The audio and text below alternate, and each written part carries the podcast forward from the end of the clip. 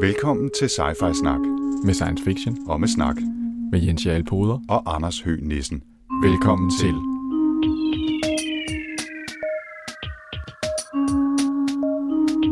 You're traveling to another dimension. A dimension not only of sight and sound, but of mind. A journey into a wondrous land whose boundaries are that of imagination. Your next stop, Sci-Fi Snak. Og så er det blevet tid til endnu en omgang Sci-Fi Snak. Vi er nået til episode 16, denne gang om William Gibsons The Peripheral. Yes, velkommen til. Jens, du sidder i den anden ende af en internet-telefoniforbindelse på en helt ny fin mikrofon. Yes, jamen øh, nu må vi se, hvordan det går. At jeg, jeg var jo så heldig at få en, øh, en røde tele, øh, mikrofon i, øh, i fødselsdagsgave. Ja. Og, øh, så øh, nu må vi se, hvordan det fungerer. Ja, vi plejer at sidde øh, bænket foran min øh, Blue Yeti på hver, på hver sin side af den inde i stuen med et, med et tæppe på bordet. På hook. Øh, ja, og, og nu sidder vi i hver vores kontor med tæpper på bordet og prøver at lege lidt lydstudie. Ja. Helt, helt DR er det jo ikke, Nej, men, øh, men, øh, men forhåbentlig acceptabelt. yes, men øh, nok insider. Lad os komme i gang med øh, at snakke om øh, William Gibson, The Peripheral. Ja, det var en bog, jeg valgte, fordi øh, den lige er kommet. Den er øh, en, en måneds tid eller to gammel, og så er det jo William Gibsons nyeste selvfølgelig. Og i episoden før, der talte vi jo om Neuromancer, som var William Gibsons første bog fra 80'erne. Øh, og jeg synes, det var en lidt interessant kontrast at se øh, de to værker mod hinanden. Øh, og selvfølgelig med de der, hvad har han skrevet i mellemtiden, otte, otte bøger eller sådan noget en stil. Ja, ikke? han er Øh, på og- 11 i alt nu. 11 i alt, ja, så passer det meget godt, ikke? Men uh, The Peripheral, sådan helt overordnet, kan vi, kan vi opsummere plottet i et enkelt afsnit eller to, Jens? Altså, det er øh, jo et rimelig nørklet plot, så det er måske svært, men lad os prøve. Øh, det, man kan sige, der er med Peripheral, er jo, at den foregår i to tider. Og det er helt sindssygt forvirrende, når man læser den første gang. Ja, som om jeg har læst den to gange, det har jeg ikke. Øh, men den foregår i to tider, øh, og den, man starter med at, øh, at møde vores øh, heldinde, Flynn, som øh, bor en eller anden gang 70 år ude i fremtiden. Øh, i sådan et øh, landligt øh, USA-område, hvor at de, øh, ja, de øh, lever sådan ligesom white trash gør nu om 70 år med, at man går og 3D-printer lidt stoffer i sin fritid, mens øh, ens øh, storebror er noget mærkeligt, øh, ikke Vietnam-veteran, men noget, der minder om. Han har været med i noget, der hedder Haptics Recon Unit, så han er på en eller anden måde, øh, han er sådan en elitesoldat, der, der er vendt hjem med ar på sjælen og nu bor i en, øh, i en campingvogn øh, i, i den her øh, in the middle of nowhere øh, amerikanske by. Så det er sådan den ene tid.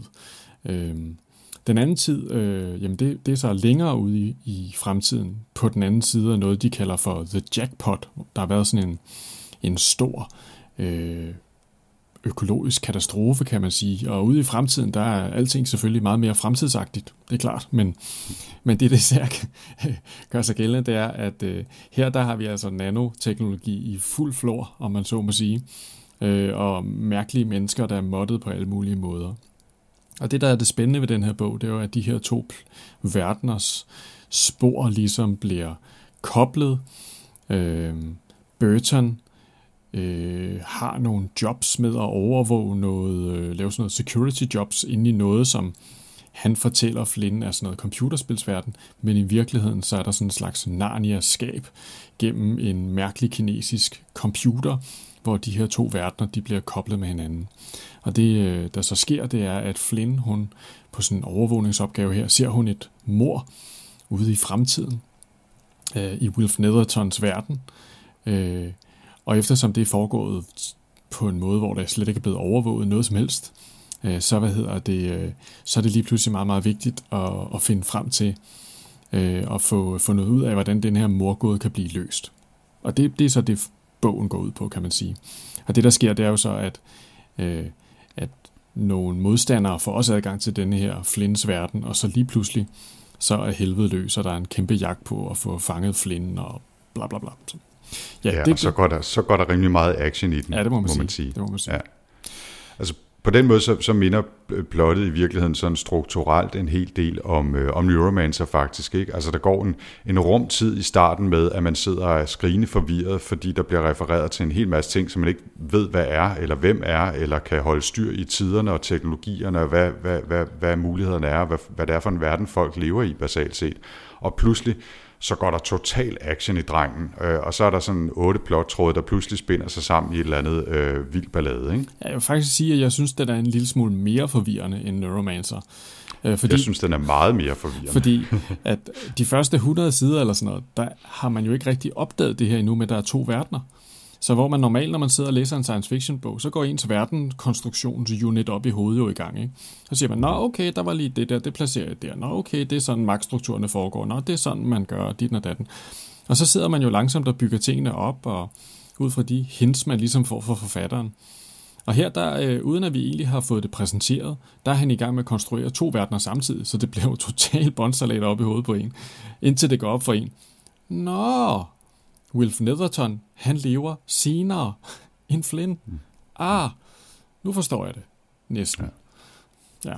ja så, så går der så 100 sider mere, men man rent faktisk ud fra det stilas begynder at fylde ting på og, og forstå, hvordan de her to verdener hænger sammen. Og så en gang imellem, så er han sød nok, Gibson, til lige at, at forklare lidt om The Jackpot, som du nævnte, den her økologiske, økonomiske øh, sammensmeltning slash øh, semi-singularitet, der pludselig gør, at, at en hel masse teknologiske muligheder opstår, men i en verden, hvor der er meget, meget færre mennesker, øh, som lever øh, på en helt anden måde, øh, end, end vi gør, og end, end Flynn gør i, i den her syd, sydøststats USA, som er noget, der minder om vores egen tid, eller i hvert fald noget, vi kan forstå som vores egen tid. Øhm, men, men det, som er forbindelsen imellem, øh, for, for, for nu bare lige at, at rode en lille smule i det, det er den her kinesiske server, som, som på en eller anden mystisk måde gør, at man kan gribe tilbage i tiden øh, fra, fra fremtiden og skabe det, som de kalder stops, altså sådan små øh, multivers-divergenser, altså alternative tidslinjer i virkeligheden, hvor tingene så udspiller sig på en anden måde. Og det er nok noget af det, hvor man skal stoppe cirka der, fordi hvis man begynder at grave meget mere i det, så som med alt andet, der har med tidsrejser at gøre, så begynder øh, plottrådene at enten vikle sig ind eller bare falde fra hinanden. Øhm, men, men det er i hvert fald den sådan postulerede sammenhæng, der er. Og så øh, handler titlen The Peripheral, øh, det er jo et ord, som man sådan i hverdagslig sammenhæng bruger om sådan noget som mus og tastatur og sådan noget, man kobler til computeren. Men i den her sammenhæng, der er en peripheral, det er en... Øh, altså i virkeligheden en køddukke, som man kan styre øh, ved, altså man går nærmest ind i den, øh, på samme måde som man kunne fjernstyre en robot med noget telepresence, bortset fra at det er super meget mere livagtigt. Og det er altså den måde, Flynn pludselig kan få en, en rolle i, øh, i Wilf Nethertons fremtid, det er ved at, at styre sådan en peripheral, en, en køddukke, et, øh, et, øh, genetisk menneske, men bare uden nogen sjæl, og kun nogle meget basale øh, kropslige funktioner, som, som hun så pludselig kan tage over ved en særlig konstrueret hjelm. Øhm, så så der, der, der kom titlen i hvert fald øh, på banen. Ja, det der så er meget sjovt, det er jo så, at, øh, at øh, Wilf Nethertons slæng der, dem der kontrollerer denne her kinesiske computer, er interesseret i at få opklaret det her mor. De kan så sende øh, instruktioner til, hvordan at man i Flints verden kan 3D-printe de her 3D-print og droner. Det har, har Gibson fundet ud af. Det er noget, der er hot lige nu, så det har han ligesom bygget meget sit plot op omkring. øh, så får så 3D-printet sådan nogle mærkelige dingenoter, hun skal sætte på hovedet. Sådan en, ligner sådan en, øh, en krone, hun skal have på hovedet, og så kan hun ligesom gå ind, og så vågner hun op igen i denne her peripheral krop. Mm. Øh, og de har gjort så meget umage med ligesom at prøve at, at gøre hendes krop til, at den minder så meget om hendes egen krop som muligt, men det er den jo så overhovedet ikke. Øh, men det gør så, at hun kan gå rundt og, og være med øh, til sammen med Wilf Netherton her. Han er egentlig mere sådan en, han er egentlig ikke sådan en action-person. Han er mere sådan en person, vi følger, men det er egentlig ikke, han, er, han går sådan lidt mere rundt sådan søvndruk gængeragtigt i det hele. Men øh, den centrale aktør i, i fremtiden er den her mærkelige øh, øh, hvad hedder det, lovhåndhæver type i London, der hedder Lobier, som i virkeligheden er sådan en slags helt fantastisk øh, entitet, der har styr på alt, recon i hele verden, og har en uendelig hukommelse, og hele tiden render rundt og forudser øh, kriminalitet og løser det. Hun er, hun er ret speciel. Det er hende, der sætter gang i hele det her afklaring af det her mor i virkeligheden. Det er hende, der har en interesse i det. Ja, præcis. Hun, hun skal opklare det her mor, på, øh, øh, som, som øh, Flynn har overvåget i det, hun troede var et computerspil, men viser sig at være en, en sær kobling til, til fremtiden. Og nu skal Lobia opklare det her mor, og så er det øh, øh, alle plottrådene og alle personer, der begynder at rode sig sammen. Og Wilf Netherton er, som du siger, han er et PR-mand i virkeligheden for en kunstner, der hedder Daedra, øh, som kom til at sætte gang i en eller anden international øh, incident i fremtidsverdenen, da hun slog, slog et eller andet øh, sær, sær øh, skabning ihjel ude på en eller anden ø, der var bygget af genbrugsplastik i et ocean, eller noget i den stil. Mm. Øh, det, det var stadigvæk på et tidspunkt i bogen, hvor jeg var forholdsvis forvirret over, hvad fanden det egentlig var, der foregik. Men, men han er, som du siger, han er i virkeligheden en total... Øh, hvad hedder sådan noget, øh, øh biperson, eller en, altså en, en antiheld på alle mulige måder. Han er småalkoholisk og har problemer med, sin, med at, øh, at styre sine impulser øh, til at drikke, og, og han forstår ikke rigtig, hvad der er, der foregår, men han bliver selvfølgelig lidt nysgerrig på Flynn og, og Flynns øh, tilstedeværelse i den her peripheral.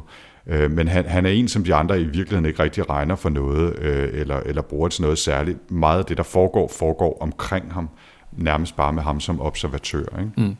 Ja, man kan sige, at Wilfs øh, primære øh, øh, egenskaber, det er hans evne til at skabe kontakt og kommunikere med folk. Det kan han godt, ikke? Han kan, og han kan jo så skabe den her tillid mellem, øh, eller tillidsrelation til Flynn, som gør, at altså hun, hun får jo faktisk en, en god relation til ham, kan man sige. Øh, og hvor at alle de andre, det er tydeligvis nogle aktører, som ikke har har nogen sådan, hvor, hvor der ikke er sådan, altså øh, Flynn får ikke et tillidsforhold til Lobia i fremtiden. Det, det virker som om, det har hun til Wilf. Ikke? Han har, det, det er hans særlige, det er det, han kan. Det er rigtigt. Øh. Øhm, og og så, så spiller han jo også den rolle i plottet, at øhm, kunstneren der, Daedra, øhm, spiller en vigtig rolle i forhold til det her mor, som de undersøger.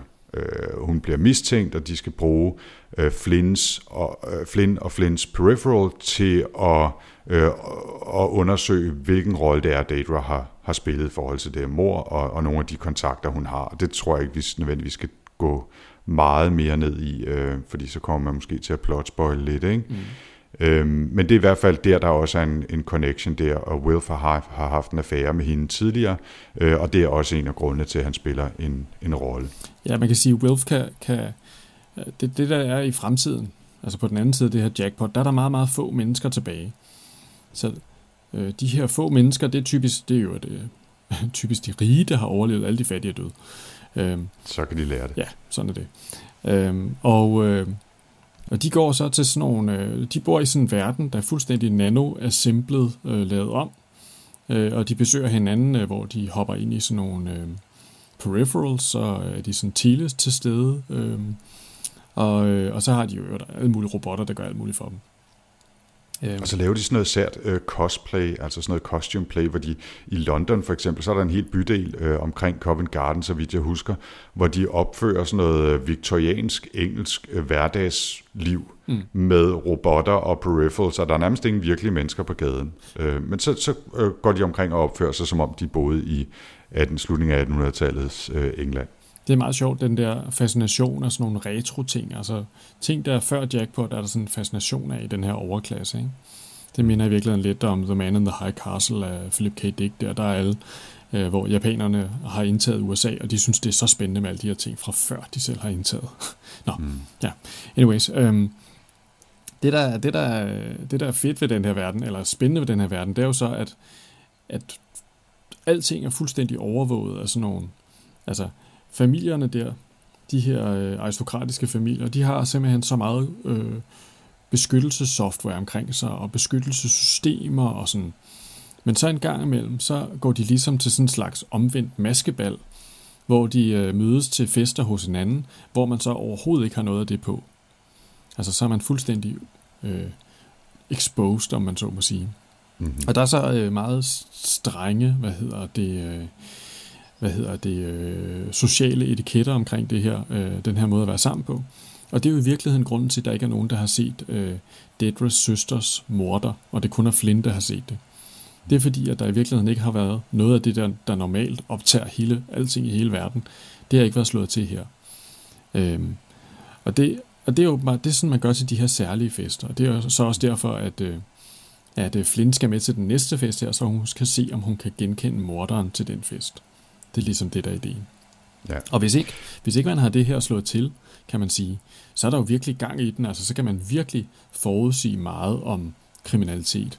Øh, hende her Lobier, øh, hende her, øh, som er øh, den her sikkerhedspoliti i London, hun har også nogle øh, kæmpe store, øh, efterhånden nærmest selvstændige robothjælpere, øh, altså sådan nogle øh, kunstig intelligens hjælpere, som hun kalder for the aunties, altså tanterne.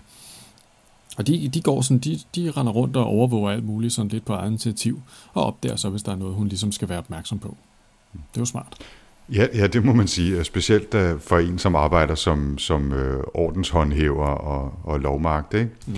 Øhm, ellers så synes jeg, at, at øh, den verden, som, som er, er næsten vores, som Flynn lever i til daglig, har jo også nogle, øh, nogle spændende ting. Øhm, som du sagde, Jens, så, øh, så lever de sådan lidt fra hånden i munden ved at, at bygge ting. Man taler om meget maker-kultur, som er folk, der, der 3D-printer og bruger lasercutter og sådan noget i dag. Og, og det er ligesom den, øh, Gibson er ekstrapoleret til, til, til builders. Og det, man kan builde, det er både øh, fysiske ting, altså, øh, og, og så også stoffer for eksempel, ikke? og meget af det, som folk lever af derude, det er at, at skabe øh, altså narkotika og, og sælge det på en eller anden måde.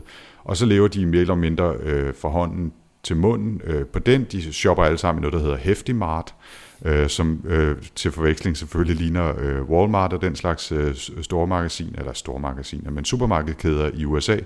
Og så er de alle sammen øh, overvåget i hoved og røv af Holmes, Homeland Security, som, som nærmest er blevet sådan en, altså de lever jo nærmest i en totalitær stat, ikke sandt? Øhm, og, og så øh, sker der så i løbet af, af plottet eller historien efterhånden, som Flynn får kontakt til Will for de andre i fremtiden, og de begynder at udstyre hi, øh, hende med, og, og nogle af, øh, af dem, hun kender, som er virkelig dygtige builders, øh, Øh, de bliver udstyret med tegninger, så de kan skabe det her pandebånd, så hun kan overtage den her peripheral i fremtiden. Og samtidig begynder de at manipulere de, siger Wilf og hans øh, folk, Lev og, og nogle af de andre i fremtiden, de begynder at manipulere mere og mere med, med Flins tid, sådan at Flynn og Burton, hendes bror, og, og resten af deres venner, og dem, der er involveret i de her plot, øh, de, de øh, bliver lige pludselig meget rige og får adgang til at nærmest at købe hele, hele den her by og lave et kæmpestort hovedkvarter midt i byen, hvor de ombygger øh, gamle altså grillbarer og, og nedlagte butikker til at være sådan en slags hovedkvarter. Der kører sådan helt slag mellem dem øh, og så Holmes, øh, om hvem der i virkeligheden har den økonomiske magt efterhånden i hele USA, ikke? fordi de, de øh, de kender jo aktiemarkedet, de, de kan manipulere øh, øh, hvad hedder det, fortiden gennem det her firma, som hedder Milagros Cold Iron, øh, som bliver sådan en slags øh, superfirma, kontrolleret mere eller mindre af en kombination af Wilf og de andre i fremtiden, og så øh, Burton og, og Flynn og, og, og deres venner i, ja, hvad kan man sige, nutiden. Ikke? Mm. Så der foregår også sådan en, en, en sær øh, griben tilbage i tiden, også på den måde at manipulere med, med den tidslinje. Mm. Ja, og altså det kan man sige, det, hele denne her øh, anden entitet, der prøver at stoppe Flynn, laver jo den samme form for manipulation. Så i virkeligheden rigtig meget af den her action, vi ser, bliver jo kampen mellem øh, legemorder og alle mulige forskellige, der prøver at få fat i Flynn i hendes egen verden lige pludselig. Mm. Øh, og så er det selvfølgelig heldigt, at man har en storbror, som er, er jeg, jeg, jeg kommer hele tiden til at sige Vietnam-veteran, det er han jo ikke. Han er veteran og har været med i det her øh, super, super elitekorps. Og ham og alle hans venner, de kan nok lige, øh, de har relativt godt styr på det her med at passe på Flynn. Det må man sige. Han har en, der er også en meget speciel ven, øh, som hedder Connor Plesky, tror jeg, mm. som, øh, som også øh, har, har kæmpet med, med Burton i den her øh, krig, hvor de er veteraner fra, og har mistet altså halvdelen af sin krop, bogstaveligt talt. Og han kører rundt lige nu i, i, i, i nutiden, kan man sige, i sådan en øh, højmodificeret trehjulet motorcykel med en stor skorpionarm bagpå, som han kan bruge til at, at styre benzinpumpen, når han skal have fyldt op for den her motorcykel. Og han kommer til på et tidspunkt at styre en peripheral i fremtiden, som jo som er sådan en robotagtig ting i fremtiden, som giver ham øh, al den kraft garanti, øh, som han nogensinde har haft, men han er jo stadigvæk veteran og uddannet soldat, så han bliver jo noget af en kampmaskine der i fremtiden. Øh, så, så der er nogle virkelig øh, sære, øh, specielle karakterer med mm. øh, i, i, i den her øh, historie også. Men generelt set synes jeg, at, at karaktererne er ret gode, altså, øh, og miljøerne er, er ret godt beskrevet den her. Øh, han, han kommer når man først lige kommer i gang der, så, så, så altså hele historien om Connor er jo en meget rørende historie om hele, hele hans frustration med at være krøbling, og da man ser ham løbe for første gang i den her peripheral, han får, altså det, det er jo sådan meget, meget rørende på en eller anden måde historie, ikke? Altså det mm. synes jeg er ret fint. Øh, de, det, det er et fedt slæng, det der uh, Vietnam-veteran, som jeg blev ved med at sige. det mm. der veteranslæng. Det er fordi, mm. der er sådan en, der er sådan en, uh, der er sådan en utrolig, uh, det har, det, den, den griber stemning i det der by, der den griber bare tilbage til Deer Hunter eller sådan noget i den stil. Altså, der er sådan en stemning i det, synes jeg. Ja, det, det er sådan en sær, en sær blanding af Deer Hunter og, og Winter's Bone, er det ikke den hedder, med øh, Jennifer Lawrence, øh, hendes gennembrudsfilm, hvor hun er, er en, en pige, der skal klare sig selv, og hele hendes familie, det er sådan nogle white trash, der, der koger amfetamin og springer, springer ting i luften. Øh, i, i baghaven, men hun er, hun er forholdsvis intelligent og skal, og, og skal prøve at få en, en familie til at fungere. Den kombineret med, det ved jeg ikke, Terminator eller noget af den stil. Ikke? Mm. Øh, men men øh, det, nu bevæger vi os måske lidt ind på noget vurdering af den, så lad os, øh, lad os prøve at tage fat i det. Ja. Oh, jamen altså, jeg, jeg, jeg synes, at bogen rører ved mange spændende ting, og der er ret mange interessante tanker i den. Men det er ikke sådan, at det er ikke ligesom at læse Neuromancer, hvor første gang jeg læste den, tænkte jeg bare, holy crap. Altså, det er jo sådan en... Det er jo også lidt meget for langt. Øhm, det jeg vil sige, det er... Altså, jeg synes, det der idé om det der, at de her to verdener fra fortiden og fremtiden påvirker hinanden. Øh, altså, det har vi jo set i mange steder. Øh, altså, det er jo set julekalender hele øh, december her. det, der, altså, det er jo et... Interstellar var også stor øh, hele november og december. Ja, ja, og, basalt set også det, der foregår der. Øh, så på den måde kan man sige, det, det der er spændende, det er nok den der, jeg, jeg kan godt lide den der idé om de her, øh, om de her peripherals, han finder på. Øh, og jeg synes, hans idé om, hvad kommer der til at foregå på den anden side af en, en klimakatastrofe, øh, økonomisk, klimamæssig katastrofe, er egentlig meget øh, original, det her med, at verden sådan bliver affolket. Øh, normalt, når vi ser fremtidsvisioner, øh, så er det jo tit øh, overbefolkede verdener, vi, øh, vi bliver præsenteret for. Ikke? Og der er også den her enorme skævhed mellem rig og fattig i fremtiden. Øh, I de ting, vi tit ser, ikke? så har vi nogle meget, meget få rige og nogle kæmpestore masser af, af fattige. Hvor her, der er det bare nogle meget, meget få rige, og de andre, de er bare væk. Ja, det, det er en, virkelig en anderledes verden, han får konstrueret øh, i fremtiden. Ikke? Altså det er som om, øh, altså hvis man trådte en lille smule tilbage og knep øjnene sammen, så ville det jo sådan set næsten være en lykkelig verden. Ikke? Fordi der, der er forholdsvis få mennesker tilbage. Øh, der er al den teknologi, de har behov for, genmanipulation og nanoteknologi og øh, biotek af alle mulige slags og maskiner og robotter, som kan klare alting for dem. Basalt set er de i gang med at rense atmosfæren, og, og det hele det kører sådan egentlig nogenlunde derud af. Det virker umiddelbart som om, at de har ressourcer nok til at klare sig i lang tid, men det er ikke som om, at der er rigtig nogen, der er lykkelige Nej, i fremtiden. Nej, det er sådan lidt mærkeligt. Man kan man sige, at uh, Will for eksempel, han er jo sådan meget... Han, han, han tænker tilbage til tiden før som en bedre tid. Og han nyder også meget, der, der er på et tidspunkt, hvor han får så lavet sig sådan en slags peripheral, som er en robot, som han kan køre rundt på sådan en lille wheelie med øh, kamera på, sådan, sådan en lille mhm. wally, der kører rundt, som, øh, som så Flynn render rundt øh, med i, i hendes verden. Og der, der, øh, der, der, der udtaler han jo meget stor øh, glæde i virkeligheden ved at, opfinde, op, at være i hendes verden, og synes, det er helt fantastisk. Hvilket hun jo overhovedet ikke kan forstå, for hun synes, det sutter røv der i den by, hun bor. Øhm. Men det er jo sådan en klassisk øh, jagt på det autentiske over for det konstruerede, perfekte eller fejlfri på en eller anden måde. Ikke? Mm. Altså at, at øh, man er kun rigtig lykkelig, hvis man også har nedture og kan opleve kontrasterne osv. Og, og det er som om, der, der mangler de der kontraster, når man kan kontrollere hele verden. Der mangler det uforudsigelige og det autentiske og det virkelige kan man sige, øh, i fremtiden, hvor alting er overvåget og styret og manipuleret øh, i hoved og røv. Og det er måske virkelig, altså det er jo, skal man det ned til det, så er det jo meget, meget klassisk, næsten banal konflikt i virkeligheden. Det er sådan noget tekstanalyse 101 på litteraturvidenskab, ikke? Mm. Øhm, men altså liv, død, natur, øh, over for kultur og sådan noget. Ikke? Mm. Øhm, men men, men det, er jo, det er jo den konflikt, som, som også udspiller sig imellem de her to verdener øh, fremtiden og den, den nære fremtid, mm. øh, synes jeg. Og det synes jeg egentlig, han fanger meget godt, øh, når man skærer det ned til, til den her version af det, så, så lyder det måske netop lidt banalt, men, men det bliver en meget fint integreret del, sådan en slags understrøm i virkeligheden i plottet. Øhm, og så bobler det lidt op en gang imellem, når, når Wilfan kører omkring i den der telepresence robot øh, Segway med skærm på, agtige ting i, i, i vores næsten nutid, ikke sammen med Flynn og så videre, han, og han ser, hvordan verden udspiller sig der. Men allerede der er de jo i gang med at lave en fuldstændig gennemmanipuleret verden, ikke bare i 3D-printer og overvågning, men også ved, at de griber tilbage fra fremtiden og begynder at manipulere med aktiemarkederne og alt muligt andet. Ikke? Så, så de er allerede godt i gang med at, at, at rode med verden, kan man sige. Den, den er, det kan godt være, den er mere kaotisk end deres egen, men autentisk er den jo ikke nødvendigvis. Nej.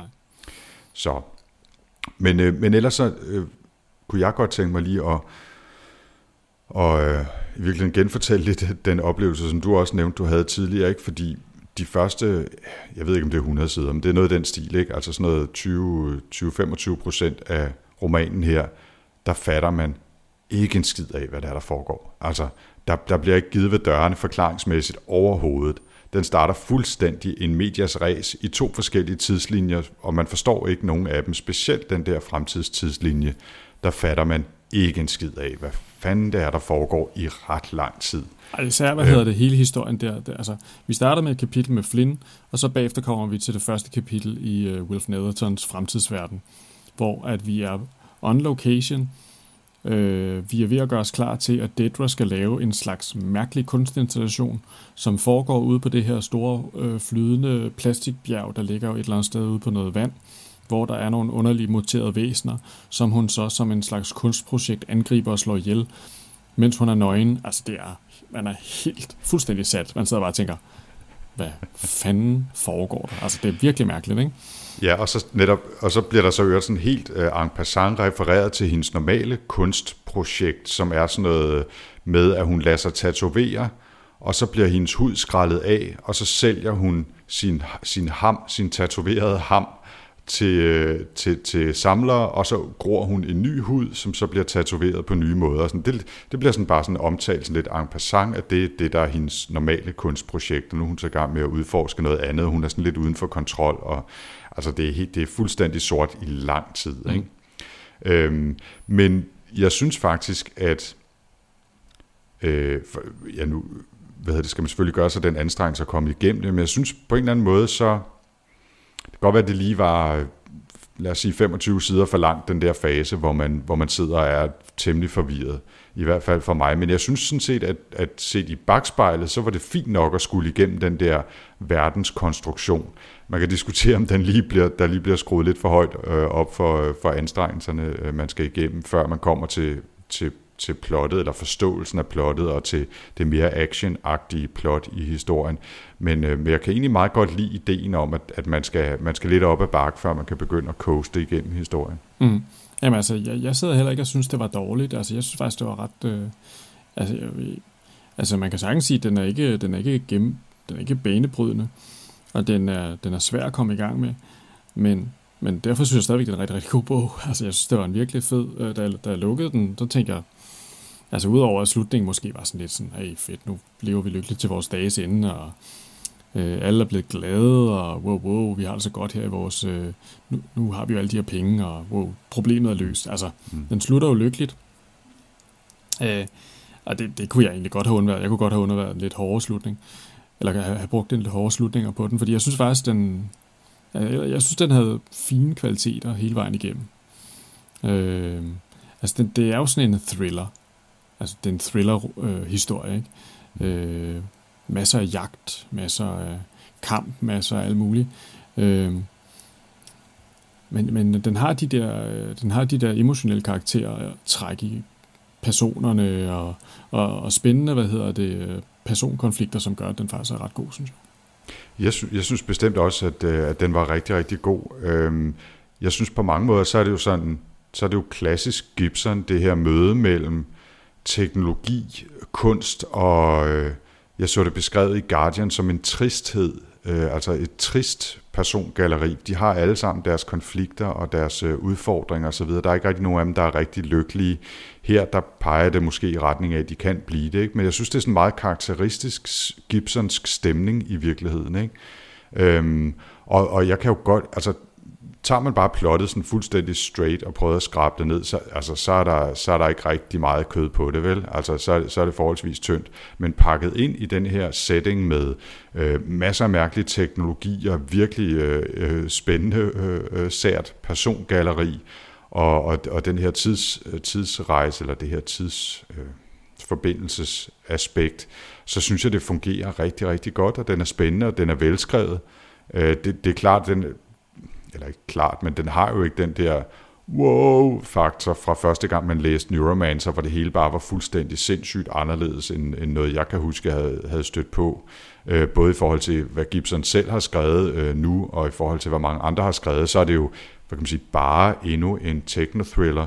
Den er bare virkelig velskrevet, og, øh, og har et interessant persongalleri.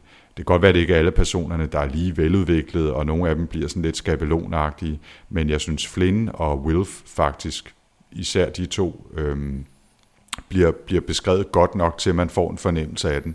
Øh, og jeg synes især Flynn er en, en hovedperson, som man, jeg ved ikke, man kan identificere sig med, en, måske i en vis grad, men hun er i hvert fald en, man kan holde med mm. og føle med. Øh, og, og det synes jeg egentlig, han fanger meget godt. Øh.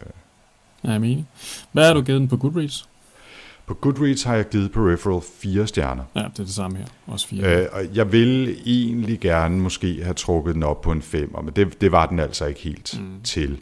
Øh, jeg, jeg synes måske, der var, ah, det var lige lidt for svært at komme i gang med måske. Altså, der kunne man måske godt have lagt lidt flere kroge ud, man kunne have holdt fast i, ikke øh, for at komme ind i historien. Og, øh, og så er der nogle ting omkring slutningen, som du siger, hvordan han får afviklet alt det her og måske også nogle ting omkring, at plottet ikke nødvendigvis er noget, man engagerer sig voldsomt meget i. I, altså det bliver meget sådan en MacGuffin, som man siger i, i filmbranchen, ikke? Altså hvor man har en eller anden ting, som i virkeligheden er inderlig ligegyldig, men det er den hele plottet kommer til at dreje sig om, og det bliver sådan en, en motor for, for alt det, der foregår. Men det er sådan set lige meget, hvad det er. Øh, og, og der synes jeg lidt, at den her morgåde, den, jeg ved ikke, om jeg synes, den er interessant nok til, at den kan drive et helt plot, men det er fandme et spændende plot, der kommer ud af det. Øhm, og, og det er noget af det, der gør, at den, den i hvert fald ikke kan snige sig op på fem for mig. Mm. Øhm.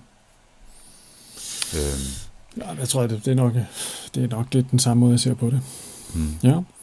Så øh, altså, jeg, jeg har overhovedet ingen problemer med at anbefale den. Nej, bestemt. Øh, det, jeg synes, og, og det, det er et sjovt, øh, et sjovt sving fra hans seneste øh, romaner, som jo meget har bevæget sig i noget, der mindede om nutiden, som har været meget mere orienteret omkring kendt teknologi, øh, måske sådan cutting edge teknologi, men dog kendt teknologi, og været meget rodet ned i sådan nogle sager, kunstprojekter. Det er jo meget det, han, han gør, så det griber jo hele vejen tilbage til Neuromancer i virkeligheden. Ikke? Altså, mm. øh, han, han er fascineret af kunst og, og hvad kunst kan, og, og hvordan mennesker forstår kunst øh, og teknologi selvfølgelig. Øhm, og, og, øh, men, men hvor hans øh, sidste ja, tre og seks romaner virkelig, han skriver jo nærmest i sådan nogle serier, øhm, der, de, de har nærmest foregået i nutiden, så foregår den her jo, øh, som vi har talt om, øh, ikke bare i, i fremtiden, men i to fremtider, og også en, som er så langt væk, at den er meget anderledes fra det, vi kender. Øh, og det er jo, det er jo sådan lidt, lidt anderledes, så det, kunne, det er jo egentlig spændende at se, om han så fortsætter i den verden, eller den verdenskonstruktion, de næste romaner, han skriver, netop fordi han jo faktisk typisk har skrevet sådan nogle trilogier, som er mere eller mindre sammenhængende, eller foregår i mere eller mindre de samme universer. Det er jeg lidt spændt på at se, om han samler det op i den næste igen, fordi så, så glæder jeg mig i hvert fald. Mm. Ja, men øh, nu må vi se. Jens, det er, det er jo dig, der så skal finde ud af, hvad vi skal læse til næste gang. Ja, ja. Jamen altså, jeg, jeg havde... Øh jeg har siddet og bikset lidt med det. Mm-hmm. Men altså, jeg har endt over at sige, okay, det er tidsrejse, eller tids... Øh, virtuelle tidsrejser har vi haft nu. Nu skal vi have fat i noget old school tidsrejser. For dengang, man lavede det rigtigt. vi skal læse en Hugo Award vinder fra 1999. Mm-hmm. Vi skal læse Connie Willis, To Say Nothing of the Dog. Som jeg overhovedet ikke ved, hvad er for Ej, noget. det er en meget mystisk science fiction bog. Du har snydt og har læst den allerede, eller hvad? Ja, ja. Nå, nå. Øhm, den er, men den er, det er en meget, meget skøn bog. Øh, man kunne nærmest diskutere, om det overhovedet er science fiction, men den foregår jo i... i øh, den, den handler også om tidsrejser. Den handler om øh, arkeologer, der rejser i tiden. Mm-hmm. Netop på jagt efter, øh, efter spændende ting fra fortiden. Så jeg tænkte, Okay. det var en okay... Øh, øh, hvad kan man kalde det? Sådan segway over til, til at få, få læst den. Så. Og, og, og, sig lige igen øh, forfatteren og titlen. Connie Willis hedder hun. Og øh, bogen hedder To Say Nothing of the Dog, og den vandt Okay. okay. Hugo Awards i 1999. Den glæder mig rigtig meget til at læse. Mm. Må jeg apropos tidsrejser øh, ikke nævne julekalenderen, som jeg overhovedet ikke har set andet end øh, sidste halvdel af sidste afsnit af i går, øh, øh, fordi der var børn til stede til juleaften, så blev man jo tvangsindlagt. Men bare for at plukke øh, en, øh, en tidsrejseserie, som øh, jeg og Nick Dunkerley lavede på Harddisken i 2002, og som jeg har lagt ud i Harddiskens Twitter-strøm et, øh, et link til. Den ligger på SoundCloud nu. Der byggede vi jo selv en tidsmaskine med en roterende neutronstjerne nede på havnen, nede ved, øh, ved øh, ja, på Margretheholm, øh, ude på Refshaløen øh, i 2002, så, så den kan man også lytte til. Det er total radio amatørteater. Øh, to mennesker spiller alle rollerne, øh, og det, det er lavet på, øh, på fire aftener i 2002, men vi havde det voldsomt hyggeligt, da vi gjorde det. Øh, så den kan man altså øh, linke, øh, eller finde via linket øh, i Harddiskens Twitter-strøm og lytte til, hvis man... Øh, hvis man får lidt abstinenser, inden vi begynder at tale tidsrejser igen her i Sci-Fi Snak. Yes, og det bliver måske bliver det i nye år, hvem ved? Må vi se. Må det ikke det gør. Nu er det jo ferie. Men øh, Ja. Men øh, tak for den gang. Hvad, øh, indtil øh, vi ses, eller høres ved næste gang, hvor kan man så møde os, Anders? Man kan møde os på sci-fi-snak.dk, hvor man kan høre den her selvfølgelig og også tidligere episoder, og så har vi også en gruppe på Goodreads, Yes, hvor man er meget velkommen til at kommentere øh, de øh, anmeldelser, vi har lavet, og komme med forslag til os. Yes, og øh, jeg er stadigvæk øh, på jagt efter et godt forslag til en dansk science fiction roman. Øh, indtil videre har jeg fået nogle forslag. Jeg synes, det lyder lidt som noget... Det er ikke, der er ikke så meget af det, jeg har tænkt på endnu. Meget af det, jeg, noget, som, øh, noget, som har lidt... Ja, helst også noget, der er nyere end fra en gang i 1980'erne. Jeg ved jo faktisk, at øh, Merete Brys Helle og Anja Andersen, øh, astronomen Mm. og astrofysikeren Anja Andersen, er i gang med at skrive en science fiction roman sammen. Nå. Og den burde udkomme her i 2015, så, så det kunne være der, vi, vi slår ned, når den kommer. Hvis den er god. Hvis den er god selvfølgelig. Det ved vi jo ikke, før vi har læst den. Super duper. Øh, på, på lytternes vegne. Yes. Skal vi Ikke sige... mere herfra. Øh, tak for i dag. Tak for i dag.